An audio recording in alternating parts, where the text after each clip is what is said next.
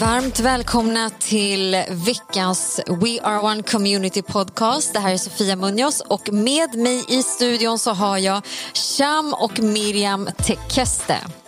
Så varmt välkomna.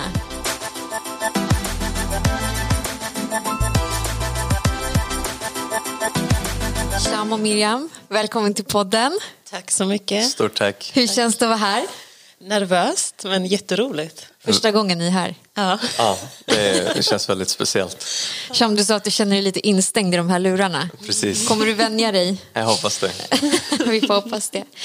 Men vi är inne på vår serie som vi kallar för fem lifehacks.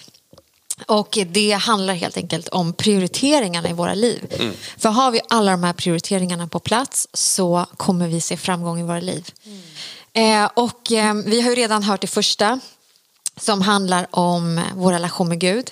Sen också vårt personliga liv som är nummer två. Och idag ska vi prata om familjen. Och det här är ju ett fantastiskt eh, ämne, eller Ja, hur? verkligen. Ni är ju mitt i småbarnslivet.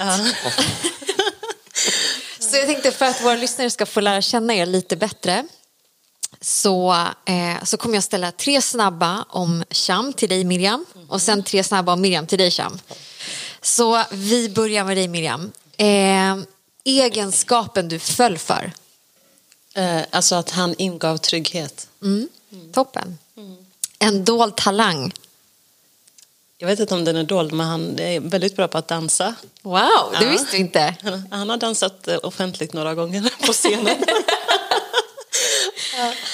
Okej, en sak som gör honom till den bästa pappan för era barn. Närvarande. Närvarande. Okej, då är din tur då, Sham. Vad är nyckeln till Miriams hjärta? Tid. Uppmärksamhet. Stämmer det Miriam? Ja, faktiskt. Ja. Miriams paradrätt. Oj.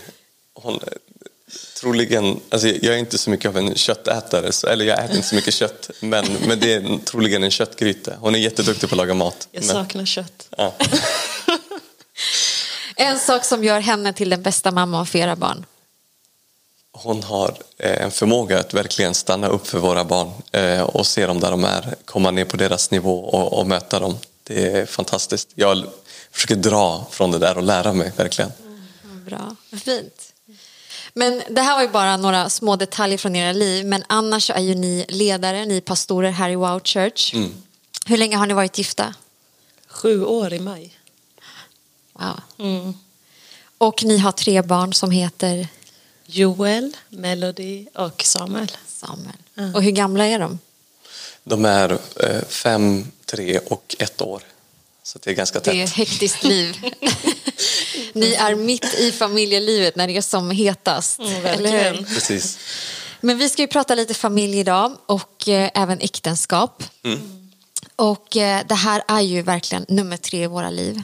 Och jag, jag har den här tanken att har vi en djup och stark relation med Gud, har vi liksom ordning på vårt personliga liv, att vi tar hand om oss själva, att vi mår bra som människor, älskar oss själva, så är vi också väldigt bra. Eh, vi kan vara en bra fru, vi kan vara en bra man och vi kan vara bra föräldrar också i våra familjer. Men jag tänkte att vi ska börja prata lite om, för att bara lägga grunden idag, om familjens roll i samhället.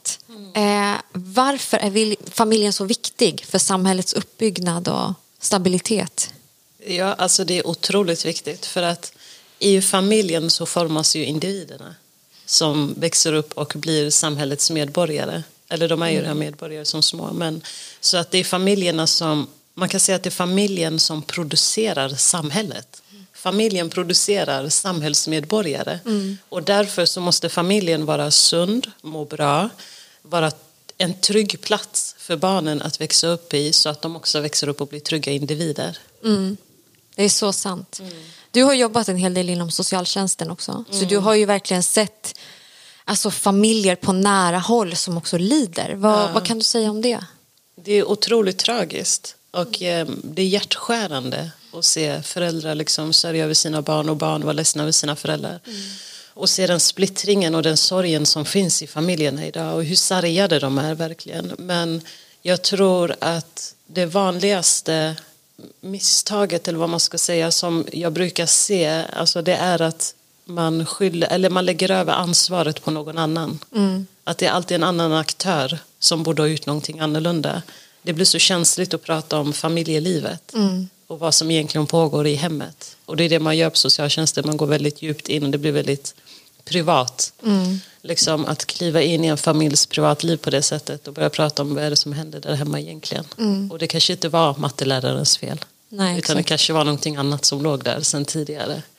Har du också sett i ditt arbete liksom att kanske det föräldrarna själva har gått igenom eller blivit utsatta för i sin uppväxt eller i sin familj också det som rinner över i deras egna familjer? Ja, absolut. Alltså att mönster upprepas i generationer. Och då blir det också mer smärtsamt att skrapa Ja. i de här sakerna och försöka gå på djupet. Ja, verkligen. För då ska man ju gå in i föräldrarnas bakgrund också. Det handlar inte bara om barnen längre, utan var kommer du ifrån? Ja, Och så verkligen. vidare. Ja. Vad säger du Sham? Du har ju varit en hel del inne bland annat på vår bibelskola. Du har också sett familjer på nära håll liksom, som lider och eh, ja, Verkligen. Jag, vi hade ett fantastiskt möte igår med pastor Lennart där han pratade väldigt mycket om att leva i sanning och att leva ödmjukt inför Gud.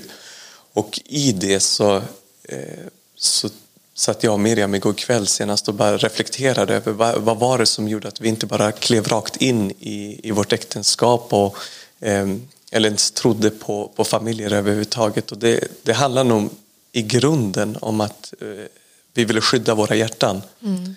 Att jag har blivit utsatt för saker, därför vill inte jag exponeras för någonting. Jag, jag tycker jag ser det mönstret hela tiden. Varför man lätt dömer andra personer. Miriam var inne på att det är inte mattelärarens fel utan det kan vara någonting som ligger mycket djupare hos mig. Och hur, hur ska jag kunna vara i ett sånt tillstånd eller göra mig själv tillgänglig för att ens kunna reflektera i de banorna? Att oj, det kanske är jag. Eh, Och inte fly in i allt annat som man... eh, Jag tänker på mitt eget liv, hur mycket serier jag har tittat på, filmer, musik. Allting för att inte det ska bli tvärtyst. Och eh, man faktiskt behöver sätta sig ner och vara, okej, varför är jag här? Och det kanske inte är någon annans fel. Och om det är någon annans fel, varför vet de inte om att det är deras fel? Här går jag omkring med alla de här känslorna. Liksom. Så. Men om man tittar på era liv, liksom, nu har ni varit gifta sju år. Men ni kommer ju verkligen från olika håll och ni har med er ert bagage. Hur, hur, om ni ser tillbaka på era egna familjer, vad, är era uppväxter olika eller har de liknat varandra? Vad säger du Miriam? Alltså det, de är väldigt lika och olika på samma, på samma gång. För att eh, vi båda växte upp med båda våra föräldrar och vi, har- och vi är fyra barn i våra familjer. Ehm, men mina föräldrar är frälsta och de var frälsta i hela min uppväxt. Liksom. Så att jag kommer från en kristen hem på, i, den, i den bemärkelsen att de var frälsta och de tog oss till kyrkan. Liksom. Eh, och de bad varje dag, det tar jag med mig verkligen och jag förstår att det är det som har varit räddningen idag. Eh, men samtidigt så hände det ju mycket också i vårt hem som inte var kristet, om man säger så. Alltså det var mycket bråk, det var mycket gräl, det var mycket... Eh, det var våld både fysiskt, psykiskt och mentalt, liksom känslomässigt. Så att det var mycket som var trasigt, sargat och sårat. Eh, och ja, så på ett sätt så är det väldigt likt. Om du, Ja, på, på det sättet verkligen. För jag, jag kommer ju inte från en eh, frälst bakgrund utan eh, jag var först i familjen eh, att gå den här vägen. Eh, men eh, jag, jag tror att eh, det har dels med att vi inte har våra rötter i Sverige tror jag och, och eh, varför det ser ut eller varför det är så är ju för att de har varit med om olika saker som har gjort att de behövt fly hit eh, till, till Sverige. Och, och de traumorna tror jag inte är bearbetade. Eller man har inte riktigt fått hjälp med att eh, bearbeta de, eh, de sakerna i sitt liv.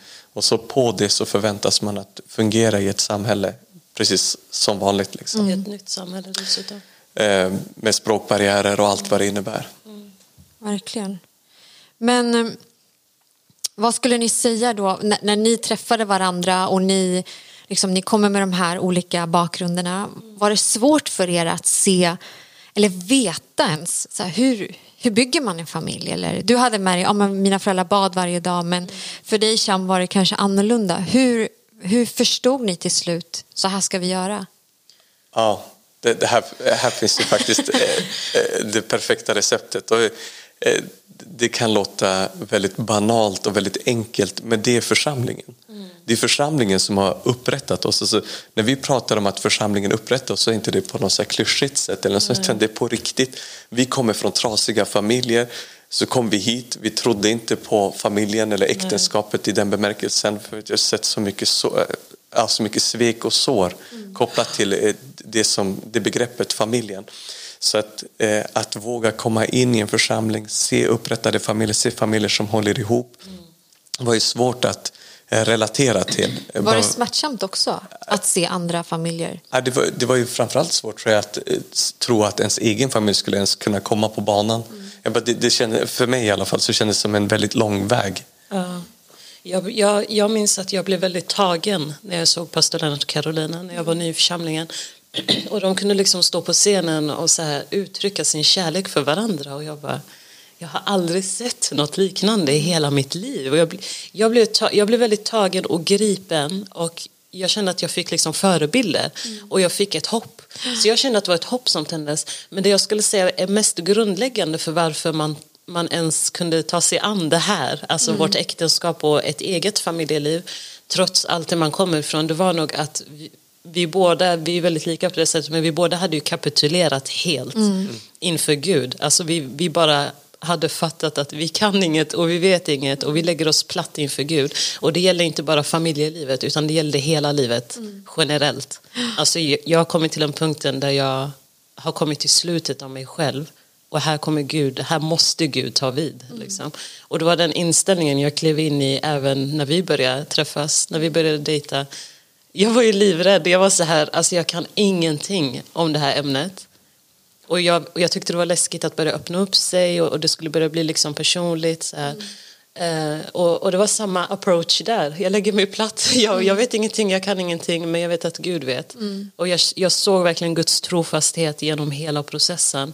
Alltså detaljerade råd, liksom, hur jag ska gå tillväga med olika saker. Så det var helt fantastiskt mm. att se Guds trofasthet. Verkligen. Mitt i romantiken. Ja. Nej, men, men det var ju verkligen, alltså, eftersom att man, eller i alla fall i, i mitt eget liv så har jag gått in i relationer tidigare och pajat både dem och mig själv. Mm. Så att, eh, då var det lättare att identifiera sig med till exempel Paulus i Bibeln och bara, men jag vill aldrig, eller jag behöver inte gifta mig ja. utan jag kan leva det här livet ändå. Liksom. Det var så roligt för att för han gick runt och tänkte att han var Paulus och jag gick runt och tänkte att jag var en kvinnlig Paulus. Alltså det är helt sjukt. Så när vi träffades så var det så här, okej okay, här är det två Paulus som träffas. Ja. Men ni är verkligen exempel på att det spelar ingen roll var man kommer ifrån. Mm. Alltså att Gud kan upprätta en. För jag tror att kanske många unga människor idag har en sån trasig familjebild och mm. uppväxt att man kanske är rädd för att mm. gå in i en relation. Mm. Jag hörde om någon för många år sedan som eh, det var inte en person som trodde på Gud men han sa jag kommer aldrig gifta mig för mina föräldrar skilt sig jag har aldrig alltså jag tror inte på äktenskapet för att det var den bilden han växte upp med. Mm. Men att Gud gör ju verkligen allting nytt. Ja, och han kan förnya den här bilden. Verkligen, hundra procent. Och då behöver man ju också tillåta honom göra det. Exakt. Och det gör ont. Mm. Det är smärtsamt och man blir sårbar. Och ska jag i den här machokulturen liksom våga göra mig själv sårbar? Mm. För när jag klev in i relationen med Miriam, det är precis som Miriam sa eh, här innan, jag behövde lägga ner precis allt det jag visste innan för det jag visste innan hade ju lett mig dit jag var i det mm. tillståndet. Jag, jag vill inte ha familj. Jag vill mm. inte hoppa in i en relation för allt blir bara dåligt och allt blir bara Ja, men man kommer i luven på varandra hela tiden. Och det, jag, bara, jag, jag, är inte intresserad av det. Det går bra just nu. Jag har min wow-grupp. Mm. Eh, jag betjänar eh, och så vidare. Det räcker för mig. Mm. Eh, så. Ja, precis. Men så klev hon in där. Ja. ja. Med sin paradrätt. Med min köttgryta. Ja, älskling, har du inte, har du inte någon linssoppa? Men vad betyder det för er då att ha sin familj som en prioritering? Det är väldigt lätt att säga om man ska prioritera sin familj, men vad innebär det för er personligen?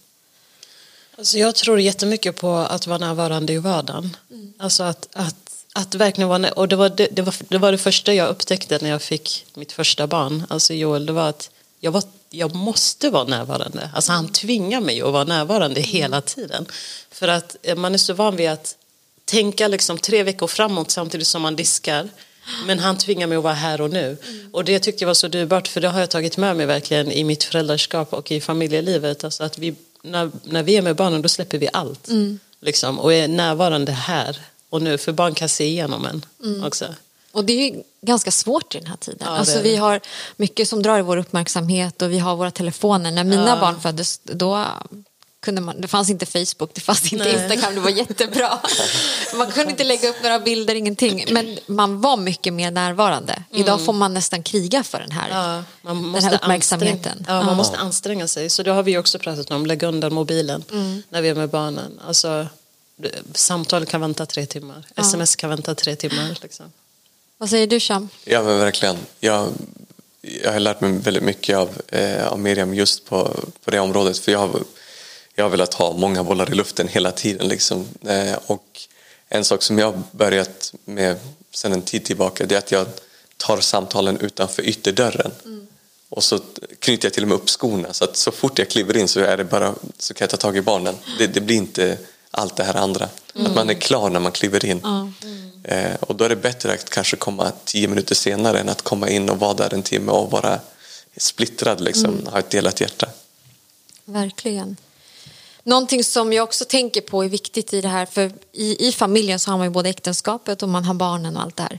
Och i vissa fall så, alltså barnen kräver sin uppmärksamhet. Men äktenskapet är ju precis lika viktigt, om inte viktigare. Äktenskapet hälsosamt och, och liksom, man behöver ju vara lika närvarande där som, eh, som med sina barn. Hur tänker ni där? Hur kan ni balansera både varandra och era barn? Jag tror att eh, man får gå tillbaka till det du sa inledningsvis att eh, ens gudsrelation, alltså bara få vara där, liksom, att bygga på sig själv. Jag kan inte älska någon annan om jag inte älskar mig själv, tar hand om mig själv.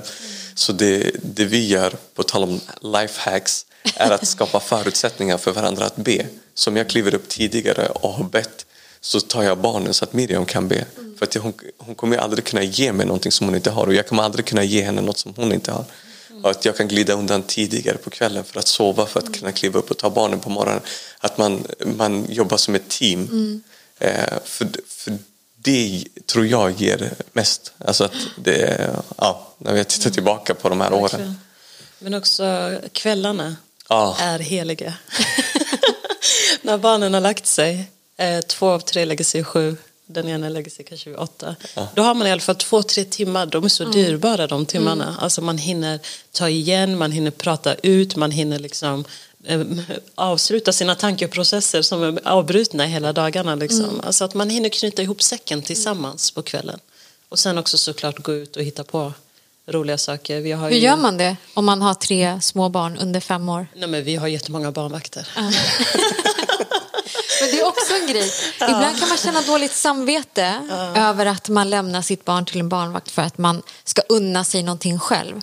Men det hör ju också ihop med att livet ska fungera. Absolut, 100 procent. Alltså ett barn mår bra när föräldrarna mår bra. 100 procent. Alltså är äktenskapet starkt och sunt, då, mår, då blir barnen trygga. Och barnen kan se igenom när man fejkar. Ja. De ser igenom allt, alltså man minns ju det själv från sin egen uppväxt. Liksom. Så, att, ehm, så att vi är jätte... eh, Vi, nu, nu tjänar vi mycket i församlingen också så vi har mycket barnvakter för det också. Men sen så har vi sagt att vi, alltså vi är ute och dejtar minst en gång i månaden. Så går vi ut och sätter oss på en restaurang i typ fem timmar. Aha. Och bara pratar och tittar. Andas. Ja, exakt. Äter tysta. Jag känner smaken på maten. så, så standardgrejer. Det är bra för hjärtat. Jätteskönt. Hur ska man tänka då om eh, man är vuxen? Man kanske har flyttat hemifrån, man kanske ännu inte har sin egen familj eller är gift. Hur ska eh, man tänka med sin familj, sina föräldrar, sina syskon? Kan, man, kan det ändå vara en prioritet i ens liv? Eller kan man förbereda sig på något sätt för den kommande familjen? Ja, jag tror på både och. Alltså om man är singel då har man lite mer tid också. Så då tror jag verkligen på att man kan liksom ta hand om sina föräldrar och ha en regelbunden kontakt med dem. Och, och jag minns att för mig var det väldigt mycket, jag fick så mycket undervisning om familjen här i församlingen när jag kom hit. Så att det var jättenaturligt för mig att ta hem det till mina föräldrar och berätta liksom, ja men nu har vi läst det här och liksom hur familjen ska byggas upp, eller hur äktenskapet, hur man kan stärka äktenskapet. Man vet ju vad familjen behöver. Alltså som en insider, man vet vilka behov som finns. Och också syskonen, alltså att bygga på den här vänskapsrelationen. Passa på. Verkligen. verkligen. För det- jag, jag minns själv när jag, när jag blev frälst som 24-25-åring här i församlingen. Och, jag fick den här upprättade bilden av, av en familj och man fick gå på, då hette det Ledarskolan 2, idag Destiny Training. Eh, och man fick så mycket undervisning om familjen, predikningar om familjen, mycket handlar om familjen i vår församling. Så att då, då var det så här, okej, jag har inte haft någon relation egentligen till mina, till mina familjemedlemmar och jag behöver utveckla det nu. För jag vet inte hur länge vi kommer att hålla ihop, jag kommer att flytta ut när som helst. Liksom. Jag hade precis eh, flyttat hem från London liksom, och bodde hemma för att hjälpa till med allt som inte funkade. Ehm, men jag hade ingen kraft att hjälpa till med det. Eh, Så, att, eh, så det kändes bara, äh, det- var väldigt jobbigt. Och, och det var det, det, ehm, under den tiden som jag blev känslig för att det kanske, måste, eh, det kanske finns någonting mer. Och jag tog beslutet att följa Jesus. Och där har jag alltså, eh, här har jag alltså lärt mig att söka Gud, att det, det behöver inte ske just nu. Men bara det att jag har någon att bolla med. Alltså utöver, alltså människor ser allt möjligt bara, hela tiden. Vem ska man lyssna på? Men Gud ser alltid samma sak och det kändes väldigt tryggt för mig. Och det var alltid familjen och alltid den här, så här ska du göra med din familj. Det, det var ju väldigt utmanande. Men jag, jag som inte har en utvecklad, alltså någon form av relation till mina föräldrar. Hur ska jag börja? Var ska jag börja någonstans? Men att man, man får gå på vatten där. Okej, jag har en, relation, en personlig relation till min pappa, en personlig relation till min mamma och till var och en av mina syskon. Eh, vilket jag njuter av idag. Att jag tog den där tiden. För annars kunde jag bara hoppat in i en eh, ny relation och så hörs vi och ses någon gång. Någon gång så. Jag hoppas på att det bara blir bra. Ja, och det i sin tur blir en väldigt bra träning inför din blivande familj. Ja. Alltså att lära, för jag minns att jag fick, lära, jag fick anstränga mig att lära mig att kommunicera. Att liksom sätta ord på känslor. Man kommer inte, eller jag kom inte från en familj där man kommunicerade mycket. Så det blev en utmaning för mig att börja kommunicera känslor. Att börja visa mig sårbar. Allt det som man gjorde liksom med sin ursprungsfamilj.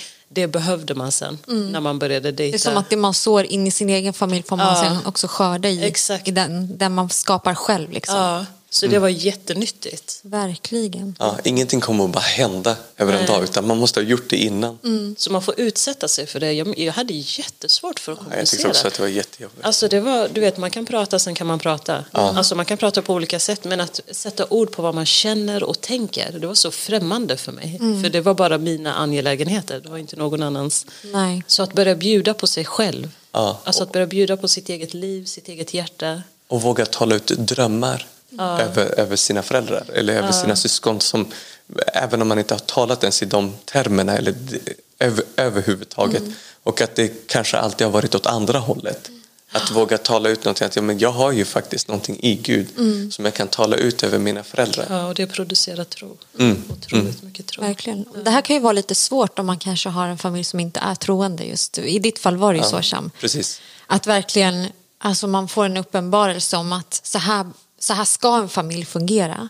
Det är ju smärtsamt också när man, får, när man förstår det. Att, Ja. Oj, min familj har inte fungerat som det var tänkt. Nej. Men att ändå på något sätt applicera det man har lärt sig Ja. och vara, göra rätt fast att man kanske inte får samma sak tillbaka. Exakt. Men att ändå leva i det. Det är en Ja. utmaning som du säger, kommunicera. Alltså om man aldrig har kommunicerat på den nivån. Man kanske inte får den kommunikationen tillbaka men man bara gör det ändå. Verkligen. Alltså, jag vet Vi inte. pratar ju mycket om att visualisera också. Ja. Att liksom se i sitt hjärta på något sätt det man, det man vill ska bli verklighet. Ja, verkligen. Jag tror att vi kommer tillbaka, alltså när, jag tänker på min, min egen familj och nu har ju några av dem kommit till tro, handlar mycket om ens böneliv. Alltså ner på knäna och gråtit och bett liksom för att eh, inte gråtit bara för att man ska gråta för att man ber Nej. utan gråtit för att jag, bara, jag ser inte det jag ber för. Jag bara, vad, vad gör jag nu?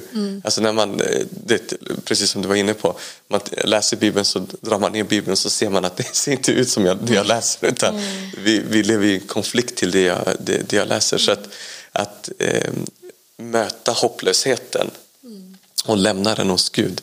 Och bara, nej, men jag, jag vet inte hur det ska gå till. Och jag, det finns så många exempel som jag inte hinner ta nu. Men eh, där, där, där Gud bara har klivit in och jag ser en direkt koppling till att jag bett. Mm. Det, det, det, det, finns ingen annan anledning. Och där mina föräldrar själva har erkänt att det måste ha varit dina egna böner. Det, det är ingenting annat. Det, det fanns inget hopp i den här relationen. Så att, um, och, det, och det kan ingen ta ifrån mig nu. Nej. Jag har ju sett det. Så att jag har ju jättemycket tro för familjens upprättelse. Mm. Jag blir inte så um, skärrad längre när jag hör uh, hemska berättelser så att säga. Mm. Utan jag tror på en stor Gud som kan upprätta familjer. Och han börjar med individen. Och så finns det också de här kulturella barriärerna att, att jag som yngre ska berätta för de äldre. Mm. Det, fanns, det, fanns, det finns Nej. ju inte på kartan liksom, utan det är de äldre som berättar för de yngre. Vilket jag har respekt för, de äldre har vishet. Men just i det här fallet, alltså att man ska gå hem och börja berätta för sina föräldrar om vad man har sett, vad man har läst mm. och vad man har fått uppenbarelser om. Alltså att det, det var en kamp på insidan. Mm. Liksom, hur kan jag gå till mina föräldrar? Det var ju de som tog mig till kyrkan. Mm. Liksom, så ska jag berätta för dem.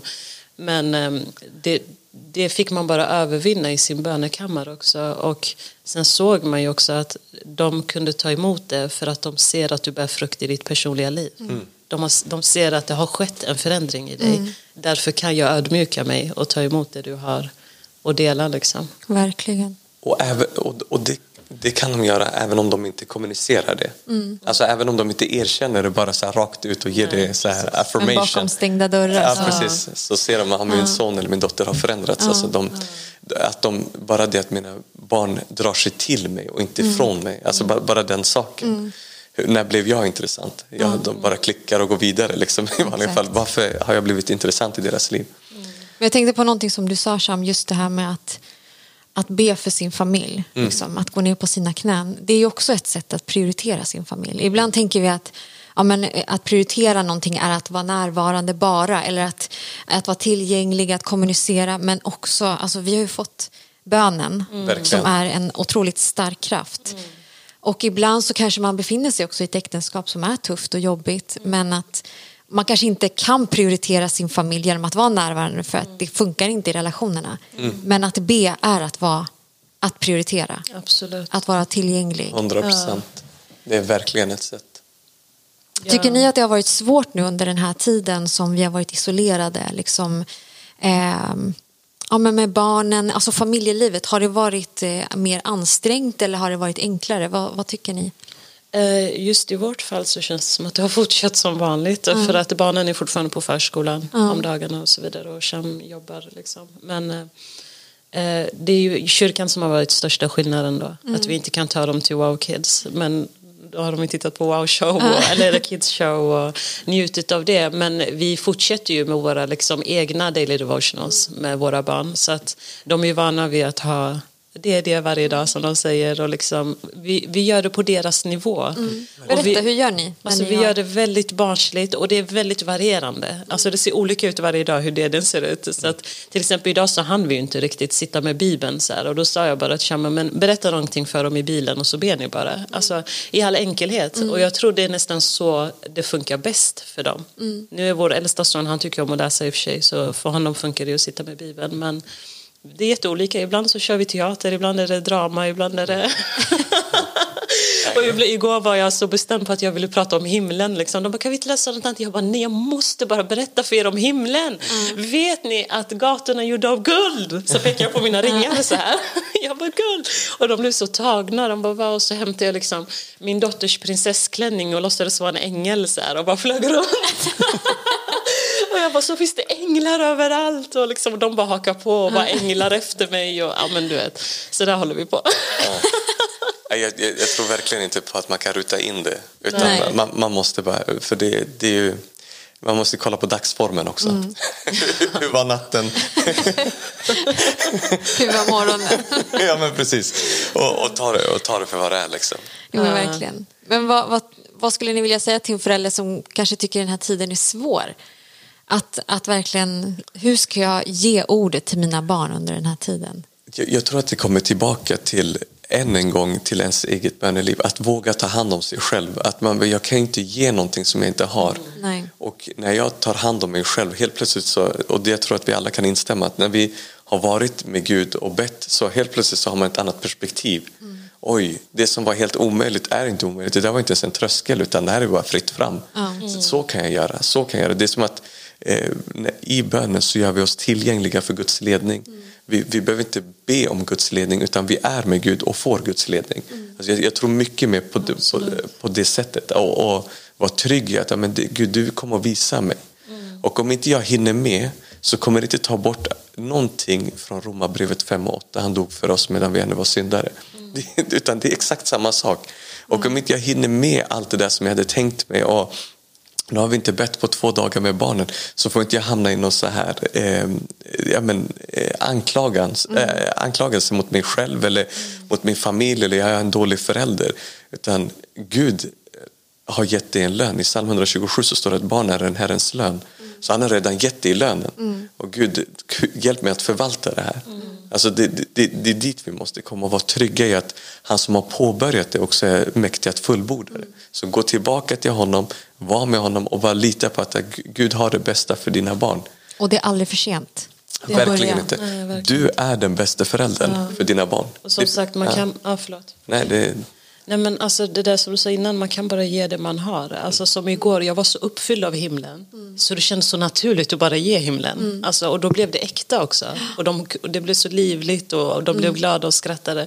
Och, och också att vara enkel. Alltså jag menar våra bönestunder med barnen är liksom 60 sekunder. Mm. Alltså för de klarar Knappt. inte mer. Nej. Så vi tackar bara Jesus för dagen och, och säger att vi älskar honom. Och sen får de fortsätta med sin dag liksom. Mm. Mm. Så att, att Jesus bara hela tiden närvarande i all enkelhet. Mm. Så var enkel. Ja, och då, många gånger, eller vi, vi har ju också hittat att eh, kvällen är en bättre tid mm. för, för våra barn. Mm. Alltså när de har lugnat ner sig. Mm. Att man, man bara samlas vid deras rum och så bara, okay, får de berätta vad de är tacksamma för. Ja, precis, det gör vi också. Ja. ja det, det, det, funkar jättebra. Man behöver kan... inte krångla till det så nej, nej, verkligen inte. Nej, nej, nej. Och du vet, om, om vi själva glömmer att fråga dem vad de är tacksamma för mm. så tar de upp det själva. Ja. För det är så naturligt för dem nu. Så, men du, vi, vi glömde prata om vad vi är tacksamma för. Jag bara, jo, just det, vad är ni tacksamma för? så det har blivit så naturligt för dem att Jesus är alltid närvarande. Och det har jag börjat märka på vår treåring nu att Jesus är så närvarande för henne hela tiden. Och jag tycker det är så starkt, alltså det är ett vittnesbörd.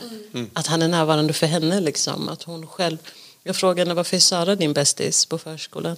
Ja men för att Jesus har skapat henne mamma. Mm. och jag bara wow, så vackert. Vad drömmer ni om då när det gäller er familj? Vad drömmer ni om att se Alltså jag, jag, jag pratar om det nästan varje dag tror jag. Jag bara, med våra barn ska hålla fast vid Jesus hela livet. Mm. Alltså jag pratar om det varje dag känns som. Det, det är som en börda på mitt hjärta verkligen. att om våra barn skulle liksom hamna i någon situation där de känner sig pressade och de måste välja mellan Jesus mm. eller någonting annat. Jag, jag, måste bara veta att de kommer alltid välja Jesus. Mm. Alltså det är verkligen en börda i mitt hjärta. Så det är så här, håller de fast vid Jesus då kommer de ju äga världen. Mm de kommer ärva allt. Så att det finns inga liksom begränsningar på vad de kan uppnå. Men de ska hålla fast vid Jesus och de ska resa upp prästerliga familjer. Mm. Ja.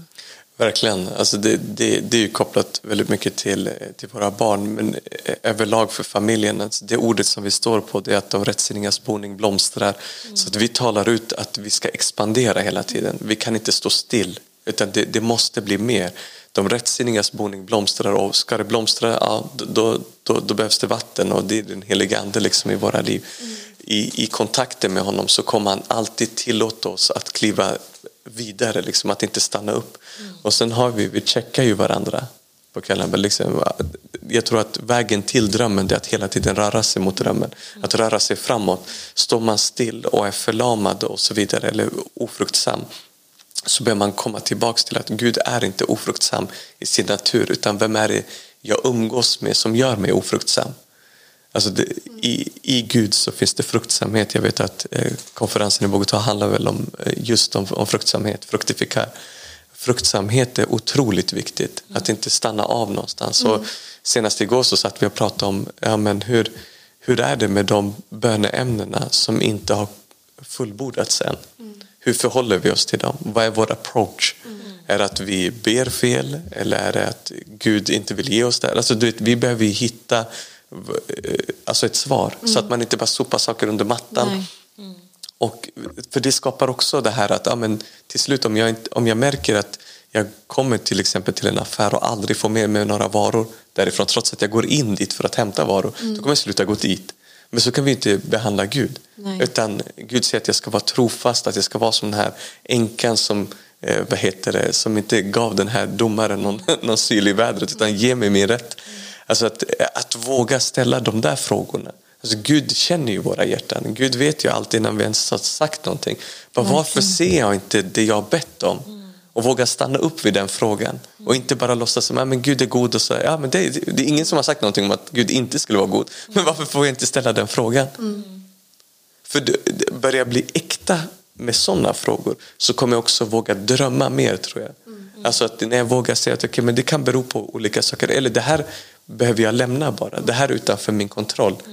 Men det får inte säga någonting om att våga sträcka sig för någonting annat. Men jag tror att om man bara undviker saker hela tiden som man har bett för. Våga då, deala med det. Ja, ja, ja, då, då, då, då tror jag att man till slut bara, "Nej, jag, jag kommer inte gå in i den här affären utan jag går till någonting som är tillgängligt och då rör man sig mer i det, till, alltså i det här det jag klarar av i min egen kraft och så kör man slut på sig själv. Och så tappar man lite förståelsen för varför andra bara, men vad, vad pratar du om? Alltså andra troende som bara, jag bad för det här och jag såg det här och jag bara, ja men det, att man, man kommer in i det religiösa, det blir bara plikt Man egentligen. måste våga sträcka sig Verkligen. hela tiden. Men jag tänker så här att det kanske är många som lyssnar idag som eh, det är så sant det du säger Sam, verkligen. Men ibland kan det vara svårt att ta in det här för att man har så mycket problem i sin familj. Alltså att, att sträcka sig efter olika saker eller att, att vilja mer, att ens våga drömma kan kännas så avlägset. För att man har bagaget och man har det man lever i och man ser ingen utväg. Men vad skulle ni vilja säga? Ni är uppenbarligen ett exempel på att Gud kan upprätta en familj, Gud kan upprätta människor och, och liksom resa upp en hel familj utifrån det. Men vad vill ni säga till de som lyssnar idag som kanske har tappat tron på att Gud kan upprätta deras familj? Jag, jag tror det är lite det som vi har varit inne på med den, eh, med den här envisa änkan. Alltså uthållighet, att vara uthållig i sina böner. Och det var ju det jag såg med mina föräldrar, alltså att trots allt som hände liksom, i deras äktenskap och i vår familj så, så alltså, vaknade jag varje morgon till att min pappa bad och liksom radade upp alla barnen inför Gud. Så här. Jag vaknade till hans eh, bön varje morgon och jag la mig till mammas lovsånger varje kväll. Liksom, trots allt, trots hennes dag så böjde hon sina knän och sjöng sina lovsånger och ärade Jesus och tackade honom. Så att, och idag ser jag att det här är frukten av deras böneliv. Liksom. Också att de har fått skörda det i sina liv. Alltså att de har fått ett upprättat äktenskap och mår bättre och, liksom fortsätter, och nu börjar få drömmar. Det är aldrig för sent. Liksom. Så att det, det tror jag verkligen på. Så att, Att bara fortsätta. Ja, bara fortsätt. Bara fortsätt. Det, är, det är ditt kvitto på att du tror på Jesus. Alltså, trots allt det jag ser med mina fysiska ögon så vet jag att Jesus är större. Jesus är god och Jesus har andra planer för mig. Och andra tankar. Det kommer bryta igenom förr eller senare. Det är bara en tidsfråga. Verkligen. Ja, jag, jag, jag vill bara lägga till att jag, jag tror att eh, det, det är ju den ena eh, delen då, de som redan ber. Men de som, alltså, som har gett upp helt och hållet, alltså som är helt kvävda av alla omständigheter och så vidare. Tror jag att eh, första steget det är att göra sig av med lögnen att det är ingen som vill hjälpa dig. Alltså ingen vill stå med dig. Utan eh, det är så lätt att döma ut andra personer och säga men jag är för, eh, mycket på grund av kanske att man upplever en förkastelse eller att man upplever att man ingen bryr sig om en och allt det här liksom som man kan uppleva. Eh, Jag tror att det, det viktigaste i den stunden det är att exponera sig själv, att komma, kliva fram, kli- ta tag i en vän. För allt i världen, om du lyssnar just nu, försök inte göra det här själv. Det är en lögn. För om du inte har gjort det hittills själv så kommer du inte bara helt plötsligt komma över det utan t- ta hjälp. Håll dig till en wow, din wow-ledare eller till någon ledare till en pastor. Vänd dig till en församling. Det är oerhört viktigt. Du, alltså, du, du, I princip chanslös på egen hand. Att du skulle klara av det här själv. Ja. Att kasta ljus på det. Verkligen. det. Bara det förlöser jättemycket. Och även om man kämpar i sitt äktenskap tänker jag att Sök hjälp. Absolut. Alltså ibland är vi så duktiga på att leva med våra fasader och vi låtsas Ja. som att allt är bra. Ja. Men Gud vill ju hela våra relationer. Men vi Ja. behöver sträcka oss efter det. Kasta ljus på det. Jag, jag kan säga utifrån min egen familj, när jag började exponera det som vi eh, gick igenom i min familj så togs det inte emot bra av min egen familj. Nej, inte om min heller. Men det var ju det vi hjälpte dem med. Det var det som blev räddningen, fullständigt. Det där var ett slag på bordet. Verkligen. Men eh, ja, precis. Men det är jätteviktigt. Be och sök hjälp. Ja. Och vi kan ju säga till er där hemma då att om ni behöver hjälp så skriv till oss på Ja. info.wowchurch.com så ser vi till att du får hjälp. Alltså det här är din tid, det här är ditt år att se din Vänta familj inte. Vänta Ingen, ingen kommer se ner på dig. Nej. Ingen kommer döma dig. Vi är alla liksom av samma skrot och korn. Ja. Men att, eh, ingen lever ett perfekt liv. Verkligen inte. Och ingen familj är perfekt. Nej. Utan Vänta alla har inte. skavanker. Vänta inte med det här. Nej. Men hörni, tack för all visdom ni har delat Mm. idag. Det är ju uppenbarligen avgörande i våra liv att vi prioriterar våra familjer. Mm. Eh, för den här tiden tänker jag och att vi tillsammans reser upp våra familjer till att vara starka, hela, lyckliga familjer som tjänar Gud och som njuter av livet. Eh, och som förändrar det här landet helt enkelt. Amen. Eller vad säger ni? Verkligen, amen. Så eh, det var allt från våra tredje lifehack. Och ett stort tack till Sham och Miriam som har varit med oss idag. Tack själv. Tack själva. Vi får ha en underbar helg. Tack detsamma. Ha det bra nu.